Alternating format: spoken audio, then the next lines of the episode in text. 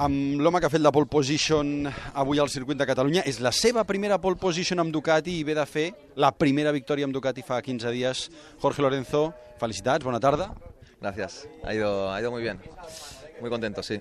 ¿A qué aspiras, Dama? Podio sería, sería fantástico, ¿no? Pero vamos a intentar eh, luchar por la victoria. Eh, estamos lejos en la clasificación y nos encontramos muy bien encima de la moto. Eh, no intentarlo sería, no estaría bien.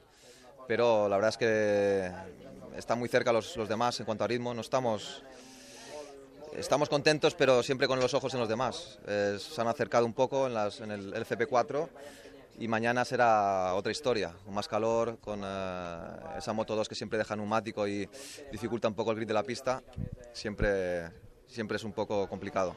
Sembla que la teva irrupció després de després d'aquesta victòria has, has, has provocat que l'escenari de, de MotoGP canvi radicalment.